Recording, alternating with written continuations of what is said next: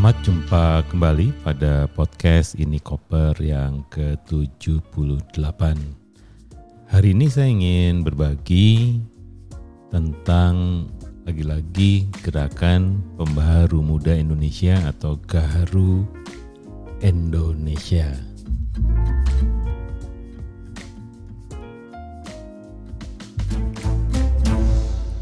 Ya, saya Dani Wahyu Menggoro dari Inspirasi Tanpa Batas. Hari ini saya diminta untuk memberikan orientasi tentang apa itu Gaharu Indonesia. Di sini menjadi sangat penting karena idenya adalah bahwa semua orang bisa menjadi change maker.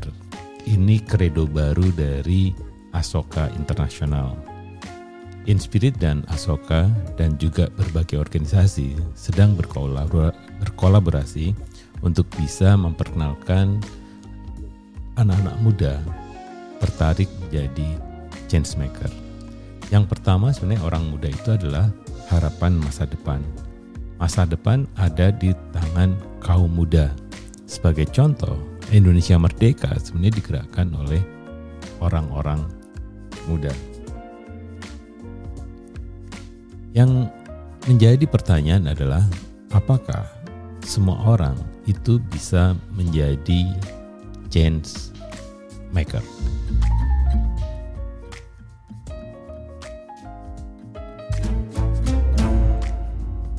Betul bahwa semua orang sebenarnya bisa menjadi change maker, termasuk juga orang-orang muda.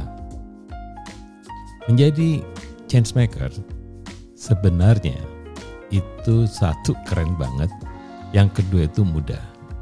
Mengapa demikian? Itu kita bisa bisa mulai sebenarnya adalah bahwa setiap manusia itu punya hardware yang sama. Kita punya tangan, punya kaki, tubuh, kepala, telinga, hidung, ada panca indera, dan semua perangkatnya sama.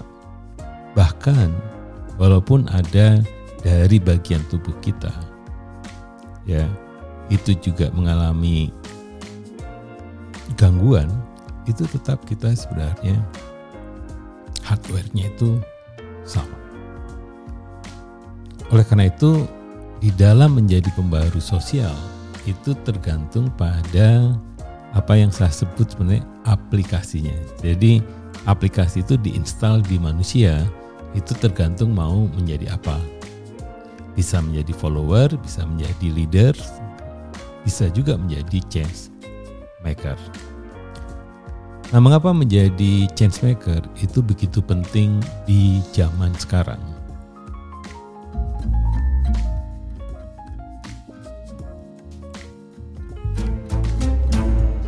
Ya, yang pertama sebenarnya kalau kita berangkat dari cara berpikir sistemik atau system thinking, maka situasi sekarang orang menyebutkannya adalah VUCA. Satu, volatil, cepat sekali perubahannya. Kadang saya juga tidak bisa mengikuti dari mulai aplikasi, teknologi, dari berita, dari perkembangan sosial, dari infrastruktur dan sebagainya, itu sangat cepat berubah yang kedua sebenarnya adalah bahwa semakin diyakini dan sering juga dikatakan oleh para pemimpin yang menyatakan bahwa situasinya sekarang adalah uncertain, tidak pasti. Jadi kita kadang sulit membuat perencanaan jangka panjang saat ini karena tidak ada kemewahan bahwa masa depan itu bisa diprediksi seperti masa-masa lalu. Yang ketiga, situasinya juga semakin kompleks. Kalau dulu bisa dipisah-pisah, pemerintah, kemudian corporate, kemudian komunitas misalnya. Saat ini semuanya terbalik-balik. Ya mau mau akademi, akademisi, mau masyarakat sipil, mau pemerintah, kadang punya cara berpikir yang saat ini terbalik-balik. Oleh karena itu situasinya menjadi sangat kompleks karena semua orang bisa menjadi ahli seketika saat ini kalau kita lihat channel-channel media sosial. Nah yang keempat sebenarnya situasinya juga ambigu. Dulu ada penafsir tunggal yang kemudian bisa kita yakini pada semua situasi sosial saat ini. Tafsirnya bisa menjadi beragam dan juga bermacam-macam. Oleh karena itu, sebenarnya adalah apa itu sebenarnya pembaharu sosial?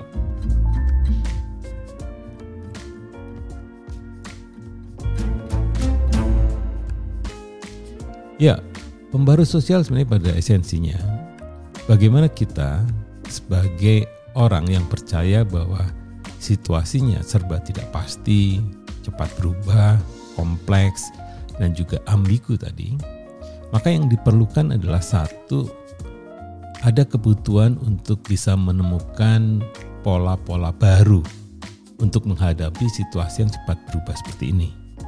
Baik itu di tingkat individu organisasi, bahkan juga masyarakat. Yang kedua sebenarnya, ada kebutuhan untuk melakukan inovasi karena jawaban-jawaban yang lama dalam bentuk proyek dan program itu tidak bisa memecahkan masalah saat ini. Nah, yang ketiga, kita harus membangun format atau bentuk-bentuk baru baik di tingkat organisasi maupun masyarakat karena kelembagaan yang ada tidak memadai untuk mengelola yang seolah-olah isunya sama. Dengan cara ini dibutuhkan sebenarnya adalah para inovator di segala bidang. Oleh karena itu, inovator, inovator ini harus ditemukan sejak dini, ya baik di level individu, keluarga maupun organisasi. Nah, kalau demikian, bagaimana caranya sebenarnya membuat menjadi seorang change maker?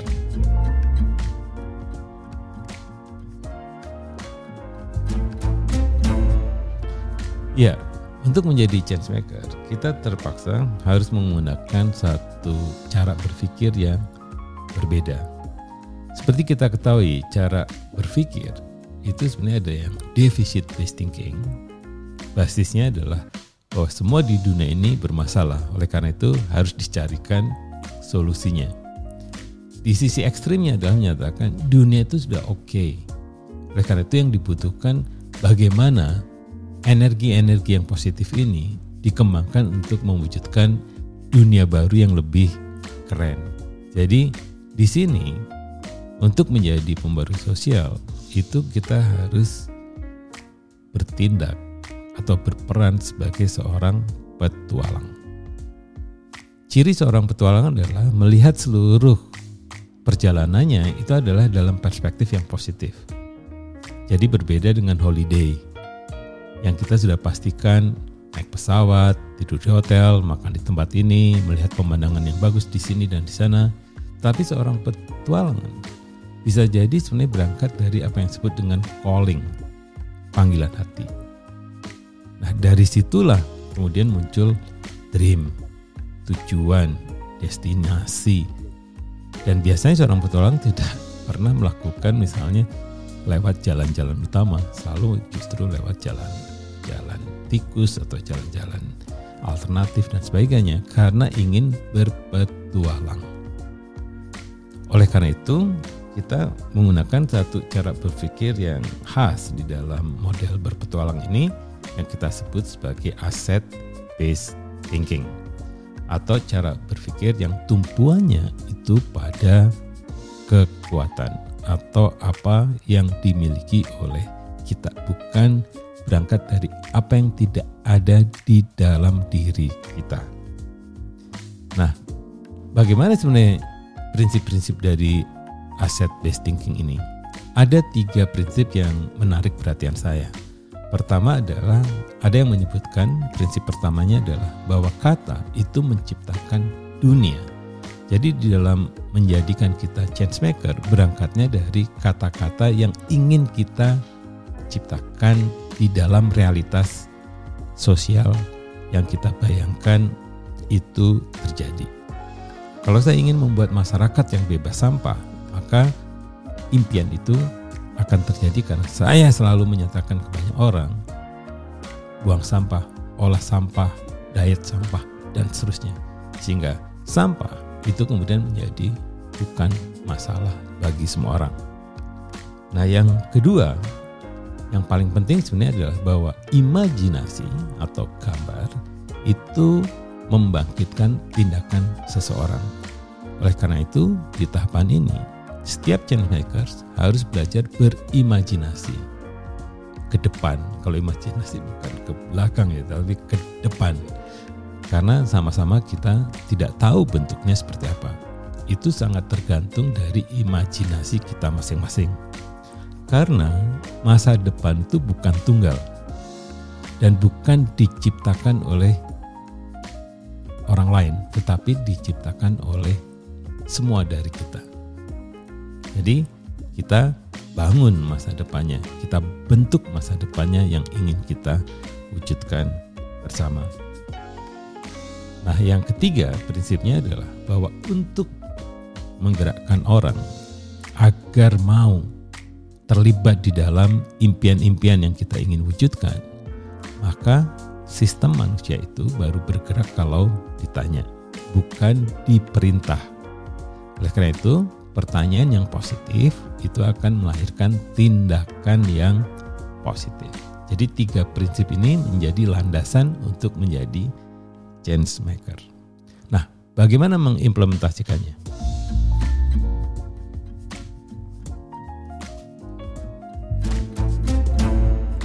Jadi ada lima tahapan untuk menjadi change maker.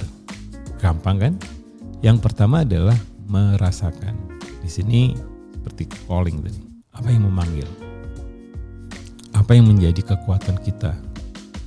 Apa yang sebenarnya tadi yang membuat kita suka atau tidak suka dari situasi yang kita hadapi saat ini. Di rumah, di lingkungan kita, di kampus kita, di sekolah kita, dan seterusnya. Jadi berangkatnya adalah dari rasa, dari inspirasi yang muncul dari perasaan-perasaan yang hadir di kita. Nah, di dalam aset based thinking, perasaan-perasaan ini dicari dari sisi tadi kekuatan yang ada di dalam diri kita. Apa yang kita suka? Apa yang membuat kita berbinar-binar? Apa yang membuat kita bahagia di dalam menjalani kehidupan ini. Itu yang pertama. Yang kedua itu raihlah. Nah di sinilah kita bermain-main dengan imajinasi atau visual. Oleh karena itu kita akan berlatih menggunakan gambar untuk bisa melihat masa depan yang dibayangkan oleh kita. Di sini fungsinya adalah bagaimana kita menangkap energi positif dari masa depan dari bayangan impian-impian positif yang ingin kita wujudkan. Nah, di tahapan yang ketiga, itu yang kita sebut rencanakan. Nah, karena sifatnya rencanakan, maka di tahapan ini ada tahap untuk mencari, melihat dari perspektif baru masalah-masalah yang sebenarnya ingin dipecahkan atau masalah-masalah yang selama ini tidak pernah bisa dipecahkan. Nah, dengan cara ini kita bisa melakukan dengan design thinking. Mulai dari empati. Apa yang sebenarnya dirasakan orang lain pada situasi yang kita bayangkan itu masalah. Dengan cara melihat masalah yang baru, kemudian kita mendefinisikannya, kita melakukan ideasi dengan brainstorming, dan pada akhirnya kita bisa menciptakan apa yang disebut dengan prototype. Nah, kalau sudah di tahapan ini, maka masuk ke tahapan rencanakan. Nah, rencanakan inilah yang sebenarnya menjadi kunci untuk bisa menyusun langkah demi langkah tentang apa yang kita bisa lakukan dari kekuatan yang kita miliki, impian yang kita punya, dan kemudian inovasi yang akan kita lakukan. Nah, setelah merencanakan, di tahapan akhir adalah bagaimana kita menjangkau dan merawat kelompok-kelompok yang sudah mendukung inisiatif kita mencapai impian-impian pada masa depan baru yang berbeda dengan saat ini. Itulah tips untuk menjadi change maker.